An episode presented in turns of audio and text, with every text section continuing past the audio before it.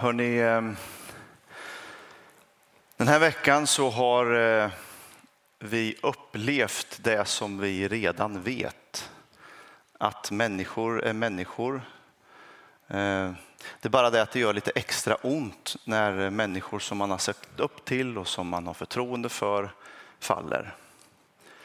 Ehm, och för er som inte vet så är det så att vår föreståndare i pingst FFS, Daniel Alm, har blivit arbetsbefriad. Han har eh, slutat sitt uppdrag eh, med omedelbar verkan och han är anklagad för maktmissbruk och utnyttjande av person i beroendeställning. Och det där gör alltid såklart ont och jag ville bara uppmuntra oss att be för den här situationen. Eh, att be för de som har blivit utsatta som är offer i första rummet. Och också be för Daniel och hans familj och allt som händer runt omkring. Tilltron till ledarskap är viktigt för en, för en ung generation. Ehm, och det här raserar mycket. Men just nu så pågår en oberoende utredning om vad som har hänt och vi vet inte vad som har hänt. Så vi, vi liksom hänger oss inte åt ryktesspridning eller tal om det på det sättet, utan det vi gör som Guds folk är att vi hänger oss åt bön om Guds förbarmande, Guds nåd, eh, omsorg och upprättelse för alla. Så eh, anslut gärna till, till min förbön just nu. Herre, vi tackar dig för att du bygger ditt rike. Vi tackar dig för att du bygger din församling. Tackar dig för att du är huvudet i din församling. Och jag ber att du ska ta oss igenom det som väntar. Jag ber att du ska resa upp din församling och du är den som är här med nåd, du är den som är här med förbarmande, du är den som är här med, med omsorg och alla som behöver det. Herre, vi ber för dem som har fallit offer för maktmissbruk, som har blivit sårade. Vi ber att de ska eh, behålla sin tro, behålla sin plats och behålla glädjen i, i verket. Vi ber för alla runt omkring som har drabbats. Vi ber för familjer, vi ber för människor som, som inte förstår. Vi ber för de som är arga, för ilskan. Vi ber för, för det som är liksom djupa sår just nu, Herre. Vi tackar dig för att du är den som är kung, ingen annan. Du är den som är kung och vi får kasta oss mot dig. I ditt namn vi ber. Amen, amen, amen. Amen. Tack för din fortsatta uthållighet i, i förbön. Ehm, I juni 1988 så hålls en Gammal stanfestival i Tallinn. Och Tallinn var under den här perioden en del av Sovjetunionen och efter den officiella delen av festivalprogrammet i juni 1988 så samlas människorna spontant på det som kallas för sångarfältet. Och så sjöng man fosterländska sånger. Och man höll på länge. Den 11 september, senare på den sensommaren, så ägde en stor sångfestival rum på det där sångarfältet. Och det har det gjort varje år under en lång period. Men just den här sommaren så kom det över 300 000 människor till sångarfältet och sjöng. Det är en fjärdedel av Estlands befolkning. De är inte så många. Som samlades och så sjöng man. Och det där blev startskottet på, på de baltiska staternas frigörelse från Sovjetunionen. Och jag funderar för mig själv, vad är det som är så kraftfullt i vår sång? Varenda revolution, varenda frihetskämpe, varenda, det sjungs överallt. I Sverige så sjöng folkrörelserna tillsammans med frikyrkan. Salmer blandades med Internationalen och Arbetets söner och vi liksom sjöng oss tillsammans som nation. Och jag har väldigt svårt att föreställa mig det faktum att gospeln som i vår tid uppfattas som musik som ger energi och glädje skapades under de mest vidriga omständigheter i slaveriets Amerika. Medborgarrättsrörelsen i USA fann styrka i Mahala Jacksons röst och frihetslängtan tog ton på många sätt. Vad är det som gör att sång och musik verkar ha en egen väg in i oss? Vad är det? Jag blir avundsjuk på Mikael Järlestrand för att jag kan stå och säga någonting. Och med all respekt, ni förstår säkert en del. Men om Mikael väljer att sjunga samma sak, då blir vi helt plötsligt berörda. Vad är det? Ska jag kanske sjunga lite mer? Det finns någonting i sången och musiken som talar liksom ett annat språk. Känslans språk. Och det når lite längre in. Det här har vi förstått. Vi är kulturella varelser. Och eftersom allting är skapat av Gud, till Gud, för Gud, så vet Gud såklart om detta. Och Bibeln är full av sånger. Vid varenda stort tillfälle så brister man ut i lovsång och tillbedjan. Och Jesus han sjöng, därför att han citerar ofta salta salmer och när man sjöng salta salmerna så gjorde man det i ett reciterande, sjungande tillstånd ungefär så här. Kanske inte jättevackert, men man sjöng ändå.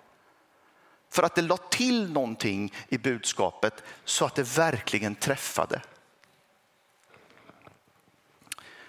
Och därför så ska vi undersöka under några söndagar sångens plats och funktion och roll i Bibeln. Eh, och Thomas började förra veckan och tog tag direkt i den stora psalmskatt vi har i Saltaren. Och idag så ska jag tala om Mose och det som har kommit att kallats ibland för Moses svanesång.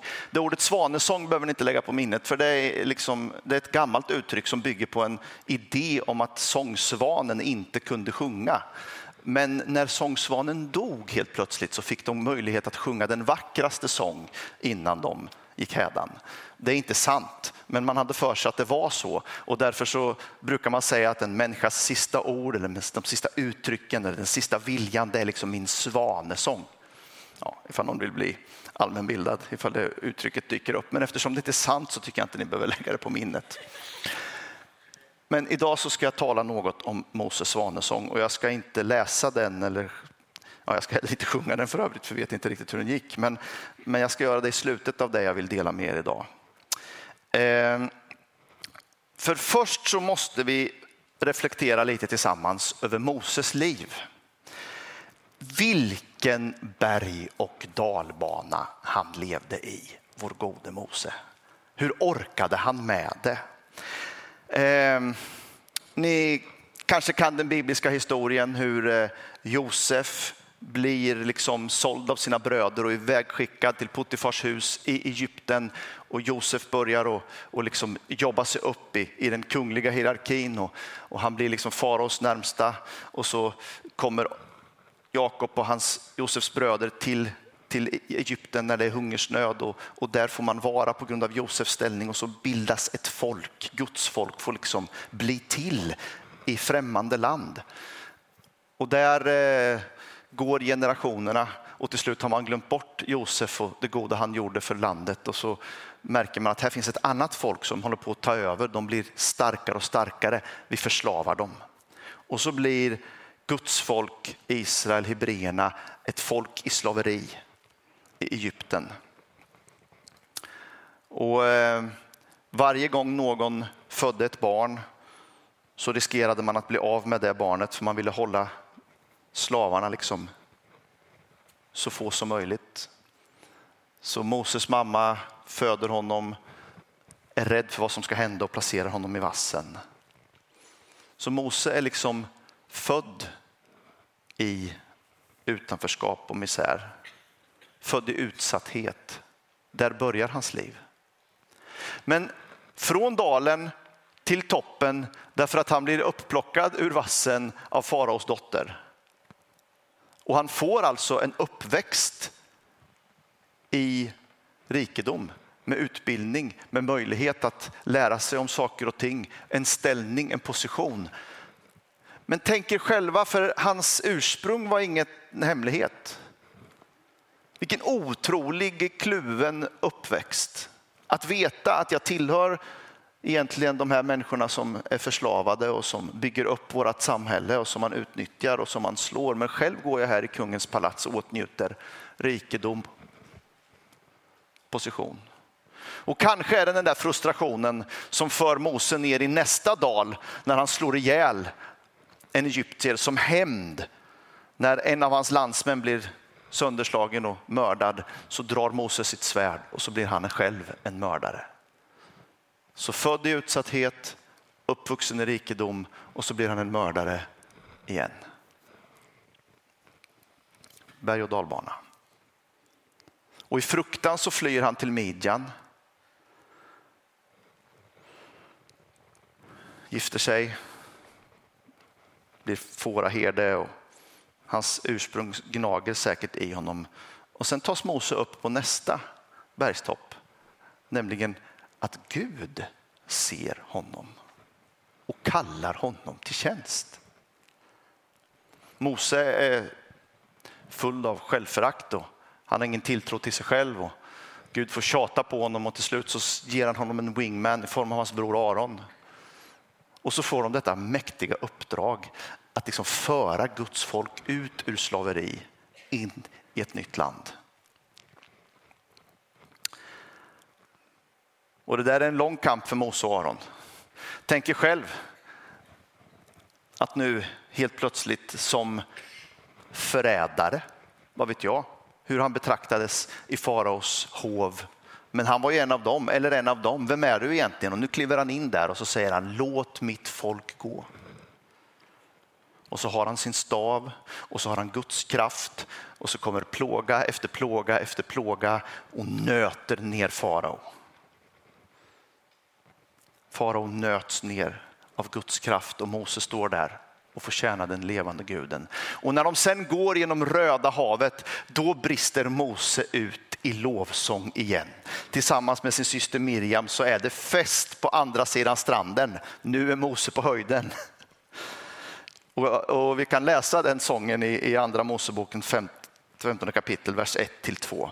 Jag sjunger till Herrens ära, stor är hans höghet och makt. Häst och vagnkämpe vräkte han i havet. Herren är min kraft och mitt värn, han blev min räddning. Han är min Gud och honom vill jag prisa. Min faders Gud, honom vill jag lovsjunga. Herren är en kämpe, Herren är hans namn. Och ni kan väl tänka er, försök er sätta in i segerruset här. Detta lilla förslavade folk som med Guds hjälp faktiskt såg till att hela faraos här liksom blir förintad. Eller en del av den, jag vet inte hur många de var, men många. Är ni med? De vann. Mot alla odds så vann de. Jag tror att det här var en hysterisk lovsång och en glädje på andra sidan stranden. Det var Miriam och hennes tamburin står det. Jag tror att det var många tamburiner. Alltså det var ett vrål ifrån djupet av deras hjärtan och Mose är på berget igen. Han är på höjden. Och sen tror man ju att allt är liksom seger efter det. Och ni som kan er bibliska historia, ni vet att nu börjar det ett evigt tragglande för Mose i 40 40 år med detta eländiga folk som inte begriper och som inte lyder. Och upp på berget och få möta Gud och strålglans och allt härlighet och så kommer man ner och så har de gjort en guldkalv och sen är det liksom och sen ångrar de sig och allt är bra en liten stund och sen så gnäller de och sen så och Moses sliter och sliter och sliter och sliter med detta folk i 40 år.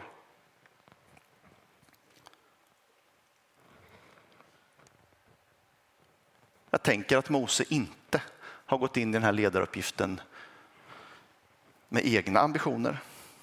Han har definitivt inte gått in där på egna meriter.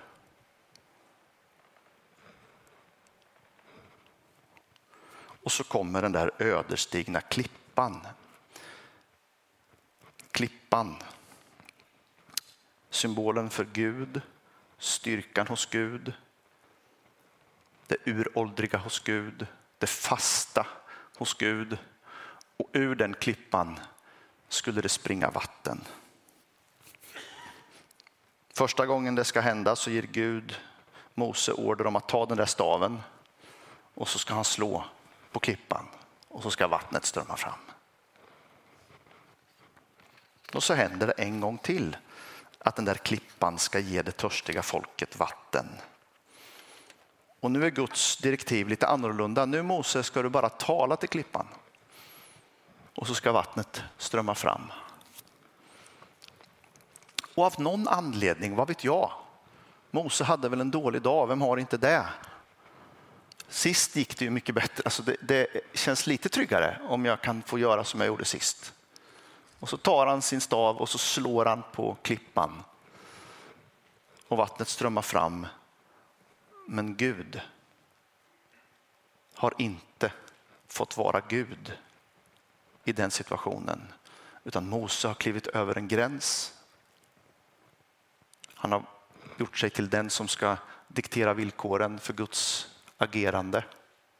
Han har inte ställt sig vid sidan och låtit Gud göra verket utan han har klivit in på en plats och inte låtit Gud vara helig. Och för denna kan jag då tycka oskyldiga missgärning så får Mose aldrig kliva in i det förlovade landet.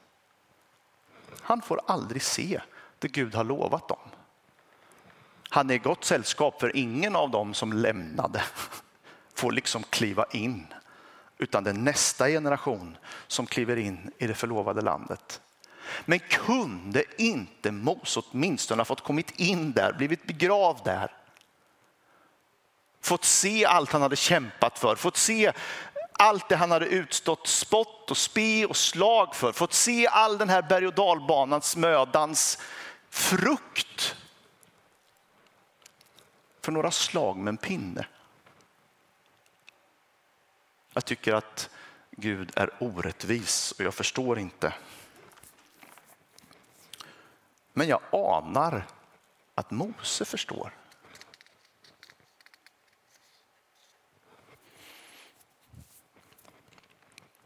Så hur uppbådar man då kraft att fortsätta kampen med en sån dom i huvudet?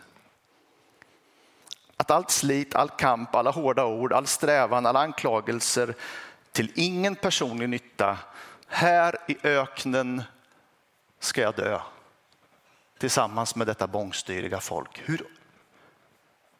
Eh, jag kanske skulle stannat vid första bästa oas. Här fanns lite palmer och träd och vatten och lite får. Här är mycket gott, går att vara här. Jag får ändå inte komma dit. Men Mose fortsätter och han sliter Och jag tror mig ana varför.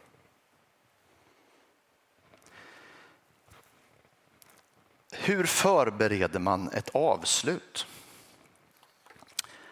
Jag har mött en del äldre personer, också i min egen familj. Och jag noterar en sak, att med en stigande ålder så följer ett ökande behov av att få berätta om sitt liv. Jag vet inte om ni har tänkt på det att få ge ett arv. Att på något sätt få leva kvar i sina barn och barnbarns minne. Kommer ni att minnas vem jag var? Det jag gjorde, det liv jag levde. Känner ni ens till det liv jag levde innan er? Och de i min närhet som, som kanske inte är så gamla men anar att det jag har framför mig är kortare än det jag har bakom mig. Hur ska jag förbereda mitt avslut? Hur mycket ägodelar ska jag ha, sitta på? Vad lämnar jag åt mina barn?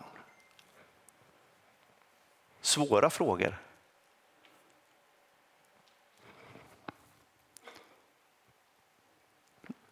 Mose talar i femte Moseboken och egentligen är det en enda lång påminnelse om Guds lag och hans löften knutet till den lagen.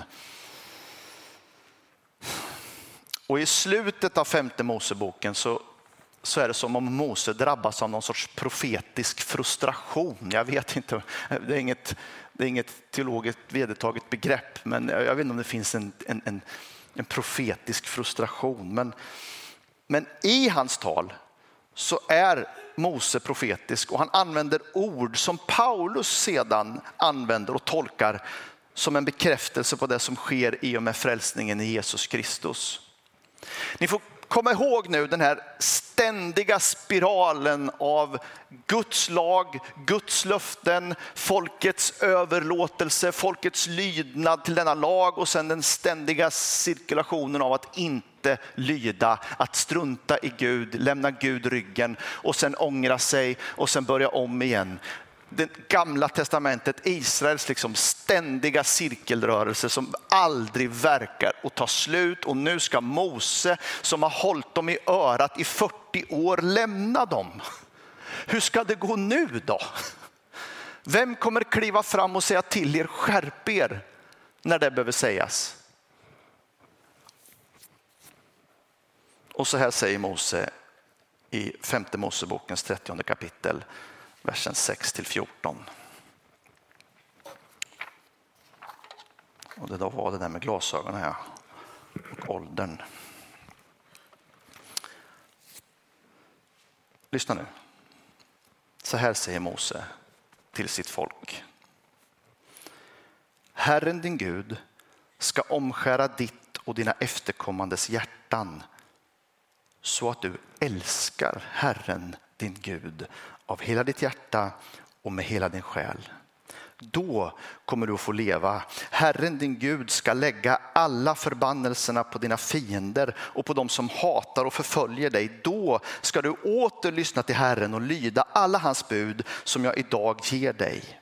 Herren, din Gud, ska skänka dig allt gott i överflöd genom allt du gör, genom de barn du får och de djur som föds och den skörd du bärgar. Ty liksom Herren gladde sig över dina fäder ska han åter glädja sig över dig och låta dig gå väl när du lyssnar till Herren din Gud och följer hans bud och stadgar. Allt som har skrivits ner i denna lagbok. Och när du vänder tillbaks till Herren din Gud av hela ditt hjärta och med hela din själ. Denna lag som jag idag ger dig är inte ofattbar eller ouppnåelig för dig. Den finns inte uppe i himlen så att du måste fråga vem kan fara upp till himlen och hämta den åt oss? Så att vi får höra den och kan följa den. Den finns inte bortom havet så att du måste fråga vem kan fara över havet och hämta den åt oss? Så att vi får höra den och kan följa den. Nej, dess ord är mycket nära dig i din mun och i ditt hjärta och därför kan du följa den. Det är som om Mose bara utbrister. Kan de inte bara begripa?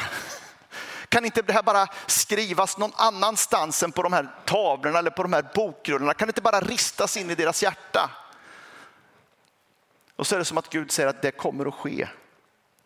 Och när Paulus, skriftlärd farisé, jude i själ och hjärta, stolt jude får konfronteras med Jesus Kristus han får sin synd förlåten och han försöker i skrifterna hitta svar på alla sina frågor. Vad är detta? Då kommer han ihåg Moses avskedstal. Och så skriver han så här i Romarbrevet 10. Kristus är slutet på lagen så att var och en som tror kan bli rättfärdig. Ty om den rättfärdighet som lagen ger, skriver Mose, den människa som håller buden ska leva genom dem. Men den rättfärdighet som tron ger säger, fråga inte i ditt hjärta vem ska stiga upp till himlen, det vill säga för att hämta ner Kristus, eller vem ska stiga ner i avgrunden, det vill säga för att hämta upp Kristus från de döda. Vad säger den då? Ordet är nära dig, i din mun och i ditt hjärta det vill säga trons ord, det som vi förkunnar. Ty om du med din mun bekänner att Jesus är Herre och i ditt hjärta tror att Gud har uppväckt honom från de döda skall du bli räddad. Paulus upptäcker lösningen på Israels problem. Han upptäcker lösningen på den ständiga cirkelrörelsen. Lagen är nu skriven i ditt hjärta. I Jesus Kristus uppfyller du alla de krav på rättfärdighet som Gud har ställt mot sitt folk, mot sin värld, mot sin skapelse. Alla är inkluderade.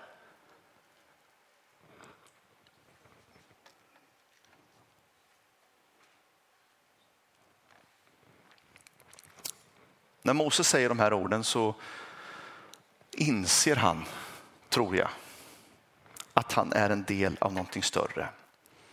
Han är en del av frälsningshistorien och han är medveten om sin roll. Och även om han inte kommer hela vägen så ska Guds folk komma hela vägen. Han leder inte för sin egen skull, han leder för deras skull.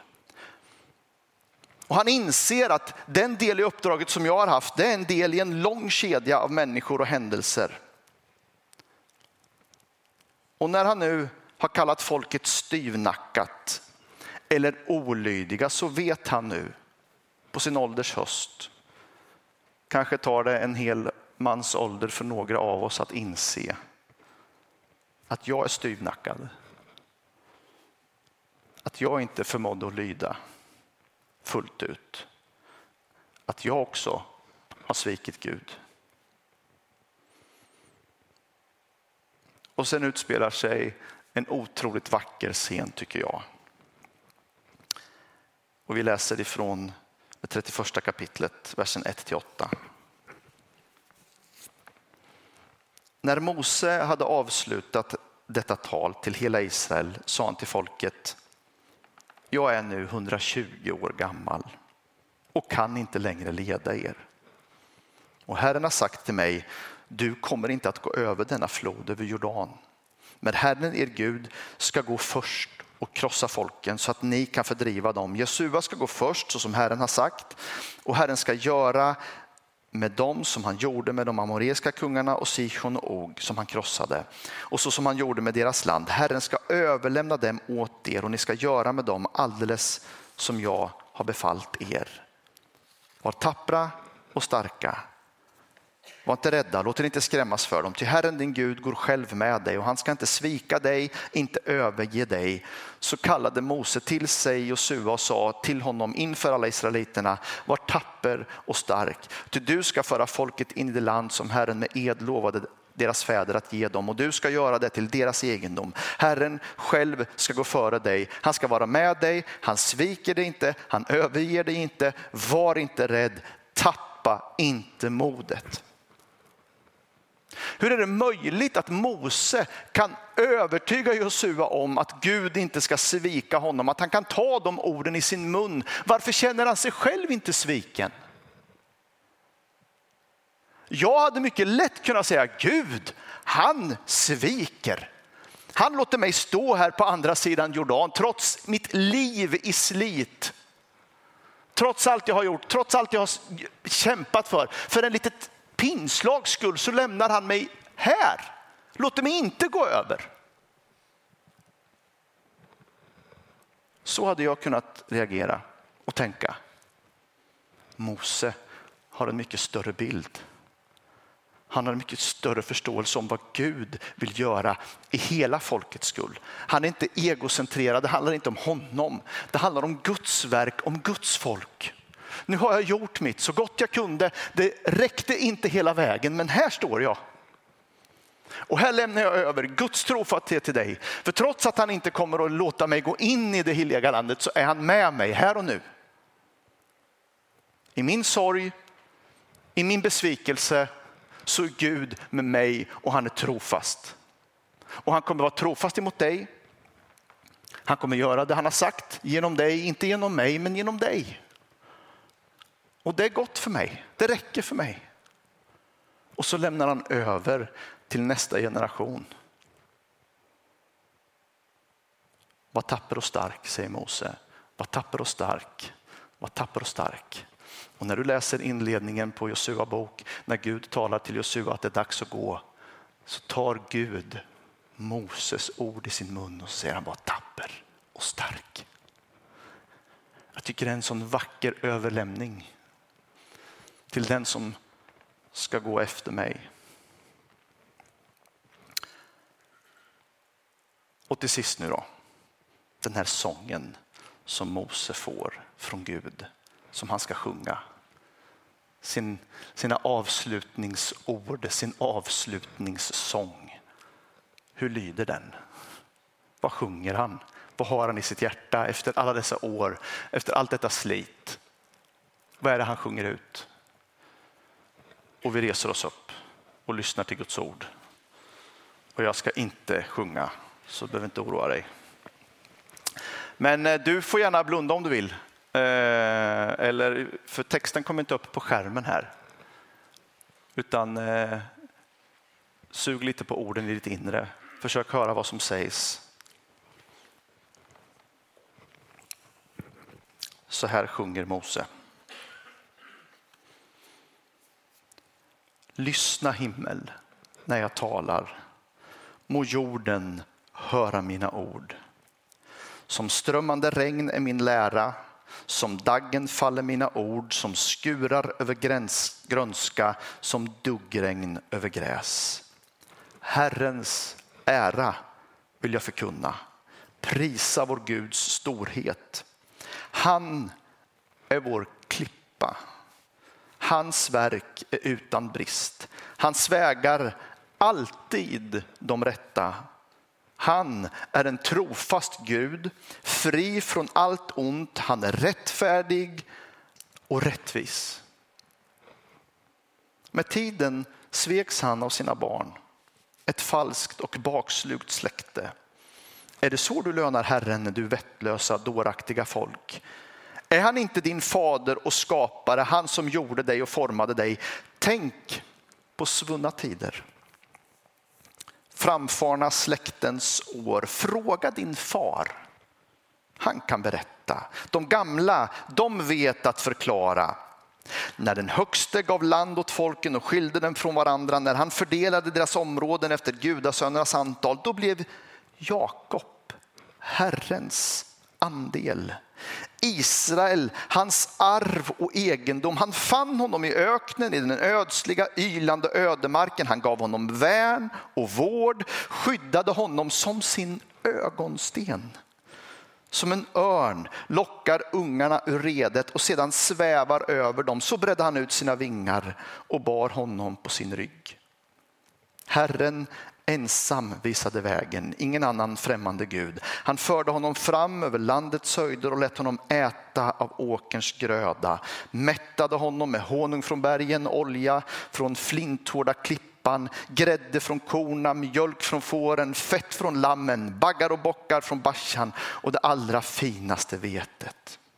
Druvans blod blev ditt vin. Jakob åt och blev mätt. Men när Jeshurun blev fet slog han bakut. Du blev fet, du blev tjock och stinn. Han övergav Gud, sin skapare, förkastade sin räddande klippa. Paus. Här följer en ganska sorglig beskrivning av ett folk som vände Gud ryggen. Hur kan ni överge Herren som har varit så burna och så älskad av honom? Men när det vänder, som det gör i slutet på sången, så är det som om Gud likt en svartsjuk far kräver tillbaks sitt folk.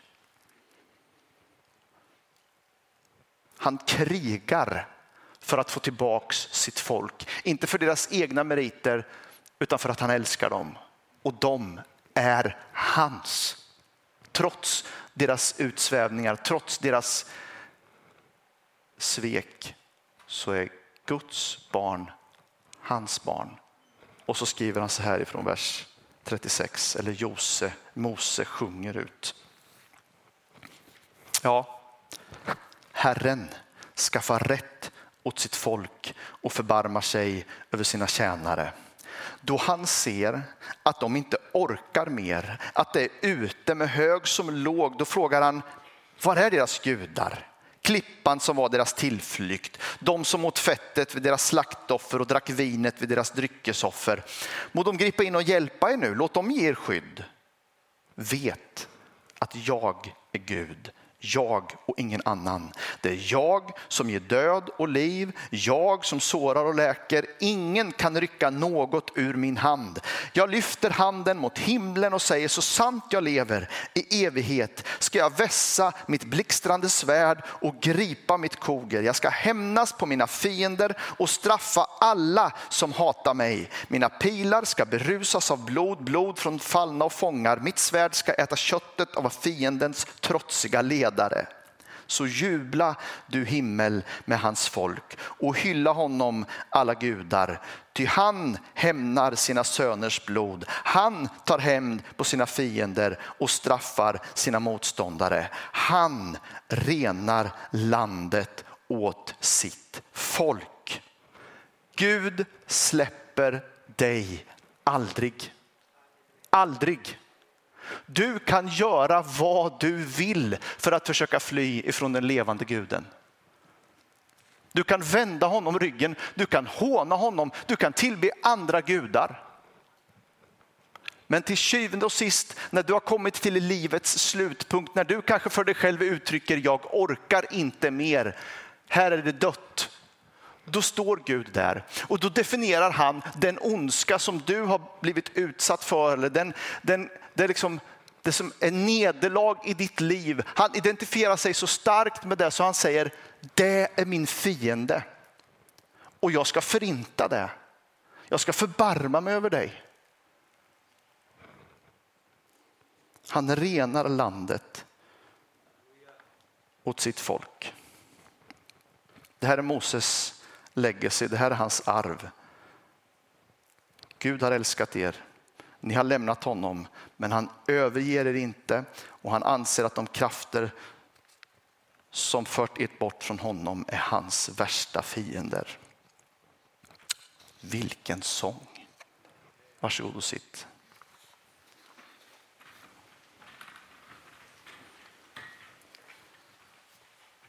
Till slut så dör Mose. Och jag tycker att Gud arrangerar hans död så oerhört vackert. Det står så här ifrån vers 32, eh, ifrån kapitel 32, vers 48 till 52. Samma dag talade Herren till Mose. Gå upp i Avrinbergen här, till berget Nebo som ligger i Moab mittemot Jeriko och se ut över Kanans land som jag ska göra till israeliternas egendom. Där uppe på berget ska du dö och förenas med dina fäder. Liksom din bror Aron dog på berget Tor och förenades med sina fäder. Detta därför att ni var trolösa mot mig vid Meriavattnet i Kadesh i Sinaöknen och inte höll mig helig bland israeliterna. Du ska få se landet på avstånd, men du får inte komma in i det land som jag ska ge israeliterna. Vi kan ju bara fantisera, men jag tror på något sätt att Mose var okej okay med detta. Man kan tycka att det låter som om Gud övergav Mose och liksom inte lät honom gå in i det där förlovade landet. Men här ser jag en annan Gud som har omsorg om Mose trots allt. Som arrangerar hans död så att han får se det som ska komma. Att han får dö i frid med löftet om att det som du har kämpat för skall bli. Och så är det som om Mose får somna in i Guds kärleksfulla famn trots allt. Jag tror att Mose dog tacksam. Tacksam över att ha fått vara en del av allting. Det var hans stund på jorden. Han hade upplevt Guds trohet genom allt. Han vågade säga ja, han litade på Gud och Gud tog honom i handen genom framgång, motgång och nederlag. Och till framgång igen. Mose höll Guds hand ända in i döden och han dog med blicken fäst mot framtiden. Så önskar jag också att jag skulle kunna få sluta mina dagar. En vindruta och förstå att jag är en del av någonting större. Det handlar inte om mig. Det handlar om det Gud vill göra i vår tid. Och här har vi alla fått vara en del i Malmö i den här tiden och det är vi tacksamma för. Herre, tack för sångerna som sjungs. Tack för liv som levs. Tack för arv och arvedel. Och tack för det rike som är ditt, Herre. Jesus Kristus, hjälp oss att se vår del i allt. Hjälp oss att kliva in i den kallelse du har för oss att tjäna i den här tiden. Och jag ber att vi ska få förstå vår roll och funktion och veta att du är den som är den högste, du är den som är den störste. Det kommer någon före oss och det kommer någon efter oss. Hjälp oss att lämna över till nästa generation på ett fint sätt. Hjälp oss att hålla dig i handen även om vi tycker att nederlaget är nära, även när vi går genom Tåredal, även när vi går genom mörker, Herre, så hjälp oss att hålla dig vid handen och vi vet att du bär oss. Du bär oss, du har omsorg om oss, även i tunga tider, även i svåra dagar så bär du oss och har omsorg om oss. För du är en trofast Gud som aldrig överger dina löften till oss, Herre Jesus Kristus. Du ska komma tillbaks, du ska hämta hem oss, du ska liksom förbereda mark, du ska eh, ordna stora skördar. Vi får liksom veta att ditt löfte för den här tiden och den här världen, de står fast, Herre Jesus Kristus. Tack att du har stora tankar för vår församling i vår tid. Du vill att vi ska döpa människor, du vill att vi ska nå ut till vår omvärld, du vill att människor ska komma till tro. Alla de här löftena som finns i ditt ord, Herre, hjälp oss att stå på det. I Jesu namn vi ber. I Jesu namn vi ber. Amen, amen, amen. Amen. Vi reser oss upp. Vi sjunger tillsammans. Vår förbönsplats är öppen. Ehm, och ehm, kanske är du en av dem som tycker att livet är bara den här eländiga eviga cirkelrörelsen. Till Gud, från Gud, till Gud, från Gud. Här är synden med i allt och förstör våra liv. Men idag kan få vara en dag till Gud. Idag kan få vara en dag där du överlåter dig till Gud igen. Varmt välkommen i Jesu namn och allt annat som rör livets härlighet och svårighet. Vi ber tillsammans. Varsågoda. Tack för att du har lyssnat på undervisning från oss i Malmö Pingstförsamling. Så roligt att du tog del av det här. Om du blev berörd på något sätt eller om du fick några tankar eller funderingar eller om du tog emot Jesus så vill vi jättegärna höra från dig. Du kan nå oss via vår hemsida europaporten.com där finns kontaktuppgifter till alla våra pastorer, anställda och andra ledare. Du kan också nå oss via sociala medier. På Facebook heter vi Malmö Pingstförsamling. På Instagram heter vi Malmö Pingst. Har du något du vill att vi hjälper till att be för så kan du mejla oss på forbon europaporten.com. Då når du vårt förbundsteam direkt. Tack än en gång att du lyssnade. Hoppas att vi ses framöver på gudstjänst 10.30 på söndagar eller på någon av våra andra samlingar. Känn dig varmt välkommen. Ha det så bra så länge och Gud välsigne dig.